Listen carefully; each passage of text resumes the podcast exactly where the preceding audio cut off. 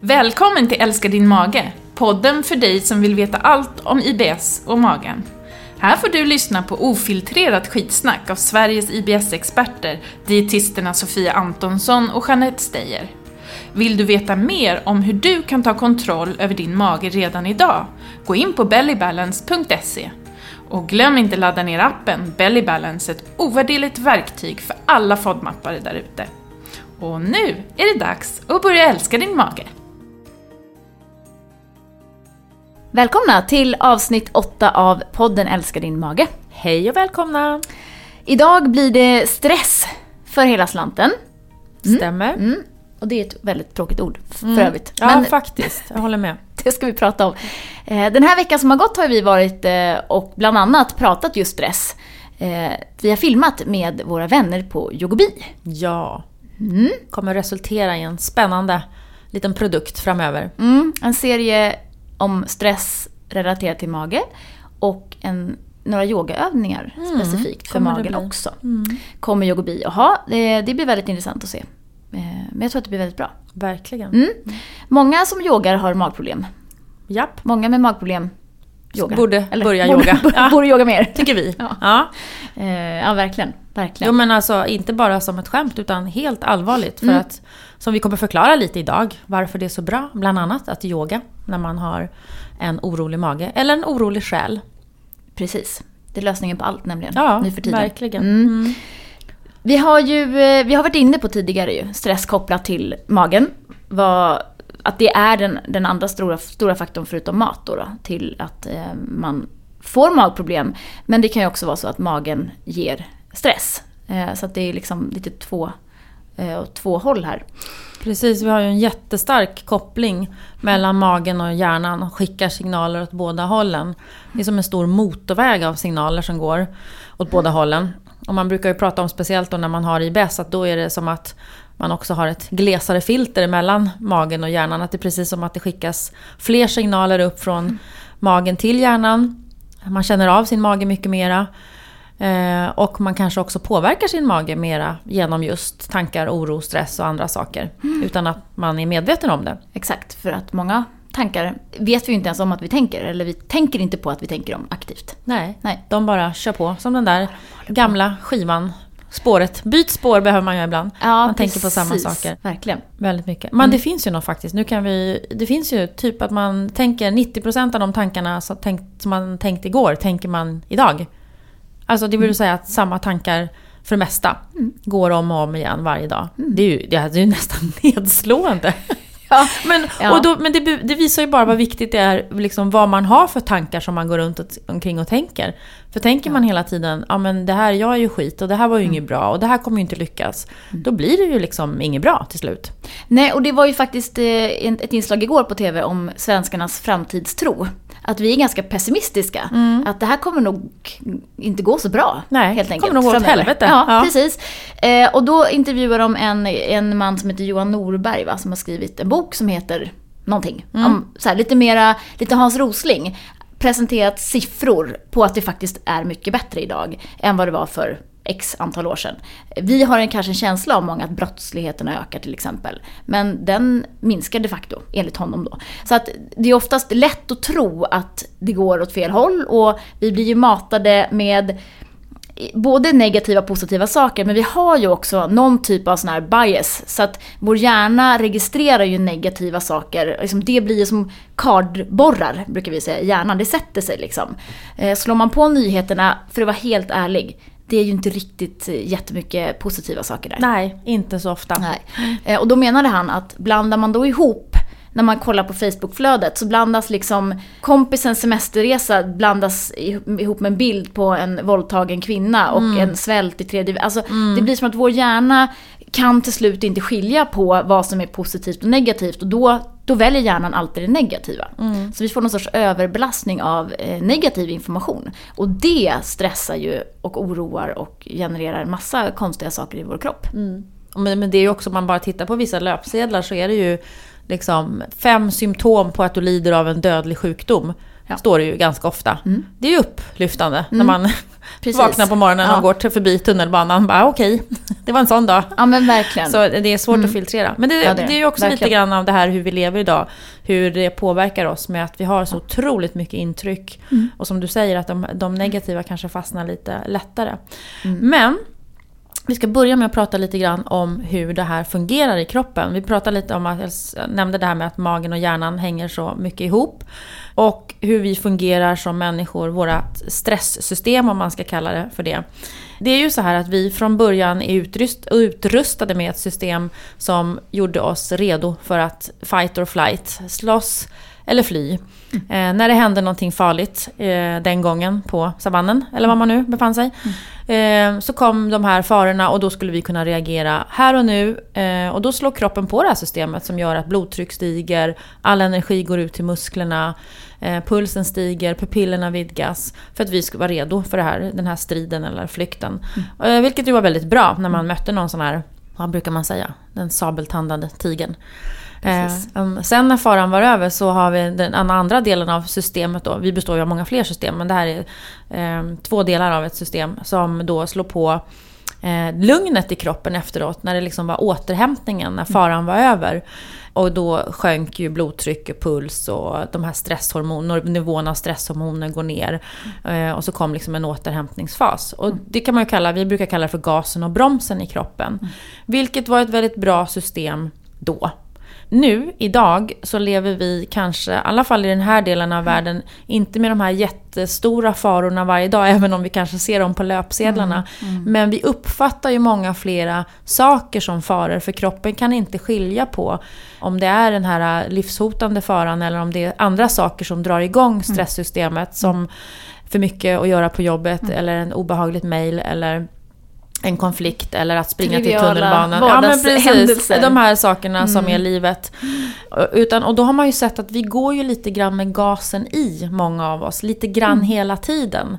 Och det är ju det man har sett att det här är ju inte, inte särskilt bra, eh, nyttigt för oss och våra kroppar. Och kanske en del av, av många fler sjukdomar än vad man tidigare trott. Plus att det är så när gasen är aktiverad ehm, och bromsen inte är det. Bromsen kallas ju också, eller den delen av systemet kallas också för rest and digest. Och det är ju då vårt matsmältningssystem jobbar som bäst. När vi är i den här lugna fasen. Det är ju också den här man, att gå och lägga sig och smälta maten och så här som man sa förr. Eller, När tigrarna ligger på savannen och har ätit upp en buffel så de är så, de är så bra. De är, Ja. Djuren visar väldigt tydligt. Då ligger de med sina magar i vädret i X dagar och bara ligger där och låter det här smältas. Eh, och jag läste också i någon bok här ehm, om det här med återhämtning, alltså resilience, tror jag det heter på engelska. Eh, att eh, hjortar, eller antiloper, eh, som, de utsätts ju hela tiden för det här. Det är gas och det är broms, gas och broms. För, det, för helt plötsligt kommer ett lejon och då, bara, då flyr de för livet. Men sen så är ju faran över och då, då tycker de att frid och fröjd, då ställer de och käkar gräs här igen och är fullständigt ohotade. De tänker inte på tanken, tänk om det kommer ett lejon snart. Ah. De bara står där och käkar. Kul. Och så kommer lejonet Ja. och då blir det fullt påslag. Så de är ju verkligen från, från noll till hundra och tillbaka till noll igen. Det är det som är så fint när man kan få den här återhämtningen. Eh, Men vi får ju inte det idag. Nej, Nej. vi släpper inte alltid på gasen utan vi har den i lite grann hela tiden. Mm. Och, och, och då som sagt är vårt matsmältningssystem lite nedprioriterat. Mm. Och då tänker jag också, det, då blir det ju också så här lite logiskt i, man pratar om IBS och att det är så många orsaker till varför man, man får det, varför det uppstår. Men en av förklaringarna kan ju vara det här att om man år efter år efter år också har lite gasen i och att det till slut blir lite kinks i det här matsmältningssystemet när det inte får lov att, att jobba optimalt som det ska.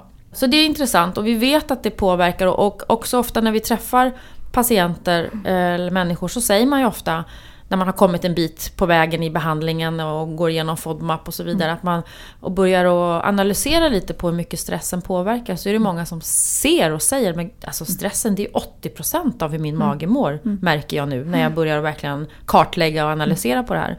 Och kosten är en mindre del, och för andra är det tvärtom. Liksom. Just. Och det har väl också en, en när man pratar om varför har mag-tarmproblem ökat? Bara senaste, vadå, 10-20 åren kanske? Ja, men det är bara att titta på vad som har hänt med den tekniska utvecklingen sista åren. Och jämför det om vi har ett, ett stresssystem som är designat för stenåldern, eller på stenåldern.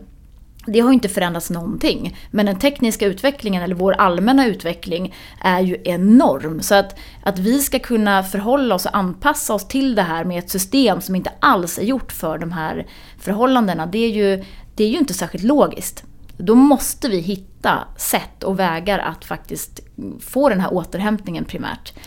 Jag såg också någon siffra på att en stor del, om det var 80% av Sveriges alla chefer, är så utmattade och sover så dåligt så att de presterar. Eh, det påverkar deras prestation på jobbet på dagen. Och det är ganska stora siffror. Precis. Eh, och det är ju på grund av att vi får så mycket input på dagen så att när vi väl sen ska sova så återhämtar vi oss heller inte under sömnen. Vi ligger och, och tuggar och pressar käkar och det är ju, de, de musklerna kring käke och nacke är ju de första som är kopplade till det sympatiska nervsystemet. Det slår på direkt. Gaserna. Ja. Mm. Eh, och då ligger man där och tuggar och, och är i flight mode fast man faktiskt sover. Mm. Det är ju liksom jättekonstigt. Fight mode, inte flight mode va? Fight flight. or flight. Ja, ja, men alltså ja, flight, men flight, är ju ändå... Ja, jo, precis. precis. Men flight mode, det blev så, då tänkte jag så här, och det var ju lugnt och skönt. Ja. kan man slå på flight mode. Det är för att du mode. tänker på din telefon. Ja, men precis. Jag tänker på min telefon. Ja. Nej, men fight, fight mode och flight mode. Men det, det är ju, då ligger man där och liksom ja. fightas typ i sömnen. Ja, det är inte bra. Eller och sömnen är ju en av våra viktigaste återhämtningsstunder.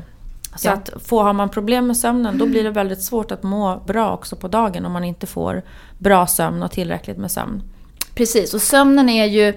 Det, det, jag, jag brinner ju mycket för hormoner. Mm. Eh, och när man när sympatiska nervsystemet eller gasen är på hela tiden så duschar vi ju ut, eller binjurarna duschar ut eh, kortisol som är vårt primära eh, stresshormon kan man säga. Eh, och när de inte orkar längre, det är då man brukar säga att man har kommit utmattning, när binjurarna helt enkelt är utmattade. Och eh, någonstans så behöver vi ju få en återhämtning där också. Då brukar man säga att, att om man går och lägger sig innan klockan 10, eller senast klockan 10, så, så får man sova då mellan 10 och 1, så är det de viktigaste timmarna för att binjurarna ska återhämta sig. Och det är ju ändå någonstans grunden i hela vårt eh, stresssystem, det skulle jag vilja säga är binjurarna. Mm. Så då kan man vara lite snäll mot dem och gå och lägga sig i tid och inte sitta upp och jobba med sin skärm eh, liksom, intryckt i ansiktet, det, det sista man gör när man går och lägger sig. Precis, eller titta på TV. Så att det, där man mm. känner att man, åh nu känner jag mig trött på kvällen, precis som vi pratat om toatåget. Mm. Kommer en signal eller mm. kommer det där sömntåget, mm. kliv på det då. För att sen kanske det går ett par timmar till innan du känner dig trött nästa gång. Ja. Och så man, borde man kanske egentligen ha gått och lagt sig Precis. tidigare. Mm. mm. Så det är viktigt. Och det här med störd sömn är ju också ett tecken på stress. Alltså om man har svårt att somna in till exempel. Så eh, det bara liksom ja, snurrar och maler och, och eh, den här eviga rösten som bara tjattrar på i huvudet. Det är ju många som tycker att det är svårt att somna in. Mm. Eh, men det, och det kan ju också vara så att man har svårt att att få sova hela natten. Man kanske vaknar upp vid 3-4. Eh, och kroppen klarar inte att hålla en i sovande läge längre för att nu har man fått den absoluta minimivilan och då vaknar man till igen och kan inte somna om. Vi började prata lite om yoga. Och faktiskt är yoga, meditation, mindfulness, det är ju verktyg på olika sätt. Och mm. väldigt, men på lika sätt också. Som hjälper kroppen att slå på den här bromsen. Så att, och har man inte provat det förut så tycker jag man ska ge det ett försök på olika sätt. Försök att hitta någonting av det här som man tycker om mm. och testa. Mm. Sen är det ju förstås alltså träning, vanlig träning också. Det är ju också ett jättebra sätt att för kroppen att få hjälp med återhämtning. Och många mår ju väldigt bra, det märker de ju både i magen och mm. i själen att man mår bra av att träna. Alltså mer fysiskt aktiv, att man svettas och får upp pulsen. Mm. Vilket ju också är en form för stresssituation men det blir en en positiv stresssituation faktiskt för kroppen. För du hjälper kroppen sen att komma ner i den här återhämtningskurvan och du får de här må bra-hormonerna som, som pumpas ut och så vidare. Så mm. att, eh, men är man mycket stressad och på gränsen mot eh, utmattning eller känner att vanlig träning, det hjälper inte mig. Då kanske man måste hitta en lugnare form för träning. Mm. Och att precis som vi var lite inne på, att de här tankarna som maler. Mm. Och det är ju lite grann det man också behöver få hjälp med att rensa ut. För att det är ju det är både yttre saker som stressar oss, allt det vi ska hinna och mm. nå. Och mm. sen så är det ju inre, alltså man pratar om inre stress, stress också, då är man ju mer inne på vilka tankar, oro, ångest, sådana saker. Och ibland är det ju, ja men vad är hönan och vad är ägget? För det, allt påverkar ju varandra. Exakt. Men just att ibland få rensa ut i hjärnan. ehm, det var någon liten munk på en YouTube-video jag såg för ett tag sedan som pratade om monkey brain. Och det var så slående för han säger, han säger det, men vi, vi föder ju, liksom våra hjärnor är ju som apor som sitter och tjattrar hela tiden. Och liksom, vad ska vi göra då för att det här tjattret ska sluta? Men då måste vi ge hjärnan någonting att jobba med. Och det kan en medi- meditation eller en andningsövning när du bara försöker fokusera på just precis det. Eller en, alltså mindfulness och, och yoga. Då rensar du ut helt enkelt och stillar det här chattret i hjärnan. Men då kanske du måste hitta, och det är ju det man använder inom yoga till exempel. Man använder mantran, man räknar. Och i mindfulness att man övar på att känna olika delar på kroppen. Det är ju bara för att vara precis här och nu och rensa ut. Det är väldigt effektivt. Jag brukar somna vid höfterna. Ja. Man kommer dit i kroppsskanningen. Ja, Så somnar man. Igår höll jag två klasser med medicinsk yoga och, det blir en slags mindfulness för mig också. För att jag måste ju också bara vara precis där när jag ger de här klasserna. Och sen så tycker jag det är lika fascinerande och, känns lika roligt varje gång när man ser en hel klass som på slutet ligger helt blickstilla när man har pratat igenom kroppen. Och man, bara, man känner i hela salen att nu är det liksom en avslappningsmode här på de här människorna. Det är kul tycker jag. Det är jättehärligt. Och skönt att bli lite fri från sina, sina tankar. Vi brukar ju prata om det här med att älta. Vi kvinnor är ju väldigt duktiga på att älta. Ehm, och det finns en, finns ju en fysiologisk förklaring till det. Har något med hormoner att göra. Ja, såklart. ja men det har det. Eh, och det, det är att älta, vi kvinnor gillar ju det. Vi ringer ju gärna varandra och sitter och pratar och ältar och, och sådär. Och vi mår ju bra av det för vi frisätter oxytocin då som är det här klassiska eh, kropps, ta på kroppen eller amma eller sådär. Då, då frisätter man ju det här hormonet. Det mår vi väldigt bra av. Männen däremot då som inte är så jättesugna på att älta alltid.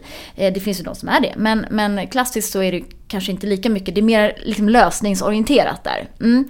Det är ju också för att när de ältar då och frisätter det här oxytocinet så sänker det testosteronnivån hos män. Så det finns en logisk förklaring. För det är ju lite oskönt som man att känna att testosteronet sjunker. Precis, Det vill man ju. Då blir de obekväma. Helst ja. inte. Nej, det vill inte vi kvinnor Nej, det heller. vill inte Ja, vi heller. Det blir inga barn nämligen. Nej, men det, så är det ju verkligen. Så att vi, vi mår lite bra av olika saker. Men att älta, eh, vi pratar ju ibland om den här ältande fåtöljen. Så har man, känner man så här, nej men nu går jag omkring och tänker på samma sak hela tiden. Och det är något som oroar och maler och, och någonting som man kanske inte, egentligen inte kan lösa. Utan det bara är där. Eh, då brukar vi säga så här, ja, men bestäm en tid med dig själv imorgon klockan 18.30 i den här fåtöljen eller soffan eller sängen. Och så går du och sätter dig där då. Och ältar i en bestämd Verkligen tid. frossar i Ja, ältandet. Precis. Problemet är att när man sätter sig i fåtöljen så kommer ingenting. Nu kanske man kan få en mindfulness-stund istället. Ja. Ja. Men bestäm det och sen är det liksom bara mental stoppskylt resten av dygnet. När man identifierar, nej men nu har jag liksom hakat upp mig i det här igen, nu kommer den här tanken igen. Så det handlar ju också om att börja identifiera tankar som är de här liksom snurrorna som man egentligen ja, inte behöver vara i. Som är helt Precis. onödiga. Jag skulle säga det, man får kanske ett bra ställe att börja precis när man, när man börjar med FODMAP-kostbehandlingen, att kartlägga. Och det kan man ju göra med, med sina stressnivåer och sina tankar.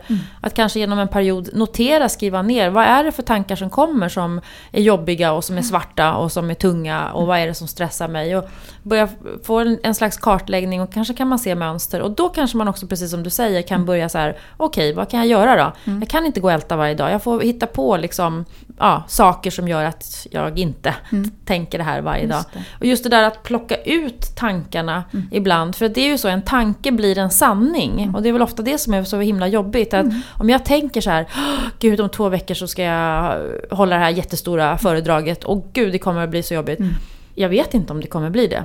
Jag vet inte ens om jag är här om två veckor, alltså rent krasst. Nej. Eh, om vi nu ska prata svart, så jag seende svenskar här. Nej. Men om jag kan plocka ut den och säga, men det, här är ju inte en sanning. Så kanske jag kan sluta att reagera på den här käns känslan. För det är ju så, när, när känslan har blivit en sanning så reagerar jag ju rakt ner i magen och får ont i magen. För att jag tycker att det här är så jobbigt. Så ibland också att plocka ut sina tankar, titta på lite objektivt på dem. Är det här sant verkligen? Nej, det. det är inte sant. Nej. Och tankar är ju väldigt mycket, alltså de eh, negativa tankar får ju ofta fäste i oss. Mm. Eh, Och de blir befästa och de blir större och större och större ju mer man tänker på dem. Så man, man är ju med och göder dem och ger dem liksom s- mera liv och ta, får ta större plats. Så här gäller det också att aktivt styra om sina tankar. Att, och återigen identifiera att den här tanken, är det någon tanke som vill mig väl? Och leder den här tanken mig till ett ställe som jag vill komma till? Eh, ja eller nej, det är ju ganska enkelt. Nej, det är den här tanken jag brukar sitta och, och tänka på på tunnelbanan eller på var det är för någonstans. Då får man liksom byta spår lite aktivt. Och stoppa den tanken, okej, och börja tänka på någonting annat. För annars är det lätt att man bara liksom, man blir typ en slav under sina tankar. Och det tror jag är ganska, alltså det är inget bra när man tappar kontrollen och man, man liksom någonstans blir, man blir sina tankar på något vis. Att man kan inte styra dem för de bara kommer. Eh, där, det är ju helt fel. Vi kan i allra högsta grad styra våra tankar. Och det är väl, många menar att tankekontroll är liksom nyckeln till ett lyckligt liv. Citat munken. Citat, en annan Citat munk. munken som sålde sin Din Ferrari. Den bästa boken som någonsin har gjorts. Den enda munken Ja, det är till. verkligen en fantastisk bok för alla er som vill eh, läsa någonting om eh, just det, detta. Eh, Munken tankar. som sålde sin Ferrari. Ja, den är helt Mm, jag har fantastisk. inte läst den än, jag får göra det. Gör det. Du Jag- citerar ofta den. Ja, och jag Ja. har en hel sida i min mobil med bara citat från den boken som jag bläddrar igenom då Bra och då. Och bara liksom munkcitat. Fantastiska munkcitat. Hade du något så här, Ja, det- det som, faktiskt. som var liksom passande för dag? Och det är så, Ja. jag ska bara passa på att säga också, det vi pratar om nu, Mm. om det här med stress och tankar och sådana saker. Det är ju liksom som små frön som vi försöker så. Vi är ju vare sig eh, experter eller vad ska man, jo det är vi är ju jätteexperter. Men, nej, men att man förstår... På ett område. på ett. Mm. område. Vi vill gärna vara det på många. Men att man, det finns människor som mår väldigt, väldigt dåligt psykiskt Mm. och har psykisk ohälsa och där man behöver mycket mer hjälp och, och, än vad vi kan ge i den här lilla snutten. Men vi pratar kanske mer om sånt, ja man kanske kan ta del eller ta det, ta Mm. det till sig man kan. Absolut. Eh, kanske lite mera som vi, de flesta av oss går runt med lite olika saker som man, Mm. hang-ups man har då. Precis. Han menar ju då följande att ehm, eh, vårt intellekt är fantastiskt som betjänt men en usel ledare. Okej, och vad betyder det? Ja men det är ju lite grann att man inte ska ta sina tankar för någon typ Ah, av sanning eller befallningar eller, eller liksom Mm. någonting som man, som man ska göra. Och han menar också att antingen kontrollerar tankarna dig eller så, kan, så kontrollerar du dem. Mm. Eh, och här kan vi ju verkligen ta kontroll över våra tankar. Vi är liksom inte några sorts offer för våra tankar. Utan det är liksom, och det är ju elektriska impulser i hjärnan. Det är ju Mm. inte mer än så. Jag tror mer det handlar om just precis som det vi sa, att man, som du sa, man tänker inte ens att man tänker de här tankarna. Utan Nej. det är ju bara att man kör på i vanliga Ja. spår. Och så har man hamnat i ett spår som inte är så bra, då, då kanske man inte ens reflekterar över det. Nej. Man, jag tror också med en del människor så här, men jag är ganska positiv. Eh, säger man ju, gladeligen Mm. Ja. Mm. ibland. Och så hör man sig själv sitta och säga massa negativa Ja. saker. Identifiera när de här tankarna kommer och så här, sätt ett epitet på dem då. Att det här var positiv, det här var negativ. Och sen ska man inte hålla på att värdera allt för mycket för man, vi värderar ju saker hela tiden. Framförallt andra människor, men också oss själva. Eh, och då säger munken så här. Det spelar ingen roll vad andra säger om dig själv. Det viktiga är vad du säger om dig själv. Precis, det är jättebra. Och det är så himla, för vi är inte så snälla mot oss själva. Nej, och sen eh, Faktiskt. inte alltid så är vi Nej. inte det. Och sen vi har väldigt höga krav på oss själva Mm. ofta och har en hög ambition och prestationskrav. Ja. Mm. Att vi ska hinna och göra massa saker och hinner vi inte det eller gör det så tycker vi att vi inte är så bra. Nej. Eh, och där handlar det ju ofta om att sänka ambitionerna och prestationerna. Vi Mm. Det. brukar ju prata om det här, good enough. Ja. It's good enough, det här är jättebra det jag har gjort här. Jag behöver inte jobba för 110% hela tiden. Nej. Om jag gör typ 70% så blir det av min maximala kapacitet så kommer det bli jättebra det med. Kanske tänkas lite mer så ibland.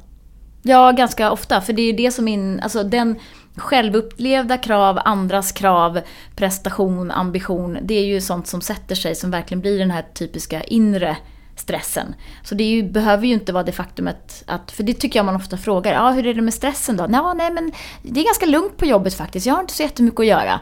Ja okej, och så börjar man prata så här, men hur är det med tankar och oro och ångest? Ja nej gud, det, det maler ju, jag får aldrig tyst på det här och så. Så att många kopplar ju stress direkt till pappershögarna på bordet. Men om man ska vara rent krass så är ju stress är ju väldigt subjektivt. Stress är ju vårt sätt att tolka omgivningen, så, vår tillvaro. Eh, och det kan ju vara helt andra saker för mig och dig och någon annan. Mm. Eh, så att det är ju liksom, det är allt, allting som vi, som vi tänker och som vi liksom upplever, det kan ju stressa oss. Mm. Och sen så tror jag också att man kanske också har uppfattningen av att, eh, som du säger, men jag känner mig inte så stressad. Eh, men man förstår inte att man kanske har en underliggande stress. Som, man tror att stressen bara är här och nu. Just men att man kanske har den här grundunderliggande stressen, att det är den som står och bränner lite grann. Mm. För att vara stressad i korta perioder är ju inte farligt. Eh, det är ju när stressen blir kronisk, långvarig och mm. man inte får återhämtning som, som den blir farlig. Jag tänker ju ofta på vår kära kollega Beatrice, ehm, som är fysioterapeut. Hon pratar mycket om det här med strosa istället för att stressa. Och jag tänker ofta på det när jag går ner i tunnelbanan. För att jag vet att hon brukar ge som nästan hemläxa till, till sina patienter att missa bussen och att missa tåget. Eh, för att när man kommer ner och ser att det är en minut kvar till tunnelbanan ska gå, så går ju liksom bara hela stresssystemet igång. Och man bara börjar springa och man blir lite så här, armbågar sig nästan fram. Och, och det är liksom en minut kvar tills tunnelbanan efter den kommer. Och då kan man känna att det där är ju inte värt. Så att när man ser det där så kan man ju aktivt istället tänka att jag låter den där tunnelbanan gå. Mm. Jag går lugnt ner mm. till perrongen och så mm. får jag se, antingen hinner jag med eller så gör jag inte det. Och det är inte hela världen, för jag har i alla fall inte låtit mitt stresssystem gå igång på det här. Precis. Så att man kan, man kan då, välja. Ja, precis, då, man, då, väljer man hur man ska förhålla sig till ja. den tanken, eller ja. den här första tanken som kommer, eller stresstanken som kommer. Att nu måste mm. jag springa. Mm. Jag, jag brukar tänka, vad bra att tunnelbanan går nu när jag ser att den går och jag inte hinner med den. Mm. För då hinner jag ju, då har ju jag jättemycket tid att Precis. komma upp och mm. ta tidningen och mm. sätta mig och läsa en stund innan mm. nästa tunnelbana kommer. Mm. Och sen, men så kanske någon som säger, ja men om man bor eh, på landet ja, till exempel. Ja, då går eh, nästa tåg först om en halvtimme. Mm. Ja, men har du missat den så har du missat den. Då kan du också välja hur jag ska förhålla mig till det mm. som har hänt då, till de tankarna som kommer. Ska man, jag kan inte göra någonting åt situationen, det är mm. lite det jag vill åt. Om man, mm. det är en situation som är icke påverkbar. Mm. Tåget har gått, jag kommer att ha en halvtimme här. Mm. Hur kan jag tänka omkring då? Mm. Ja men vad fint, jag hinner sätta mig och läsa tidningen en stund och jag kan ringa och säga att tyvärr, jag kommer en halvtimme senare. Eh, man kan liksom inte, man kan ju ändå inte göra något åt det, då kan man lika gärna försöka ha bättre tankar omkring det och inte sitta och vara helt uppstressad i en halvtimme. Nej. Och det är väl också det här med att kartlägga sin stress. Då ser man ju ganska tydligt att ja, men, det är morgonen som är kaos. Det är barnen, de skriker, vi ska till dagis, det är, ingen vill ha kläder. Jag släpar barnen dit, springer till tunnelbanan, kommer in till jobbet helt halvsvettig och utschasad. Okej, då behöver man göra någonting åt morgonrutinen och då kan man göra saker för att bädda lite finare åt sig själv. För det är ju lite grann så att som man bäddar får man ligga och då får man se till att, att göra det bra. Så blir det liksom, får man lite mer utrymme i systemet, luft i schemat. Så då kanske man ska gå upp en halvtimme tidigare Få vara själv uppe, förbereda, lägga fram kläder, planera frukosten, planera lunchlådan, inte vet jag vad det är för någonting. Så att man inte får den här liksom, paniken på morgonen, för det är en, det är en jäkligt oskön start på dagen. Ja, och speciellt om man har IBS så är det oftast en, ja. en, blir det en väldigt dålig magstart då. Mm. Men eh, nu när du säger luft i schemat så kommer jag osökt att tänka på andning. Ja. För att om vi ska prata om någonting som är verkligen bra för att hjälpa kroppen att slå på den här bromsen så är det ju eh, olika andningstekniker och framförallt det som man då använder mycket i, inom medicinsk yoga, även annan yoga, det är ju långa djupa andetag. Mm. Där man faktiskt övar på, det här är ofta något som man behöver öva på, mm. att få ner andetaget så att andetaget börjar nere i magen. Man låtsas som, eller man föreställer sig att man fyller upp hela magen med, med luft. Och sen fortsätter man att fylla upp luft i hela bröstkorgen och verkligen fyller upp så att andetaget blir djupt och långt. Det här kan man gärna göra liggandes. Mm. Och sen när man har fått in så mycket luft man kan så låter man liksom andetaget, eller man andas ut, långsamt och kontrollerat. Ligger man och andas så här ett tag så börjar man känna ofta att, att andetaget blir djupt och långt och att man också kanske får en paus emellan andetagen. Man kan liksom vänta in att kroppen signalerar att jag ska ta nästa andetag. Och det påverkar ju direkt genom bland annat vagusnerven då, vårt system, så att bromsen slås på blodtryck sjunker, pulsen sjunker. Mm. Eh, fantastiskt verktyg. Och det som är så, alltså egentligen så häftigt att vi har ju den här andningen har vi med oss hela tiden. Vi kan använda det här verktyget men vi Mm. glömmer bort det. För när vi är stressade, stressade så flyttar vi också upp andningen Mm. högre upp i, i bröstkorgen. Och vi jobbar med diafragman, den här stora muskeln som sitter mellan Mm. andningsorganen och, eh, och mag-tarm-paketet.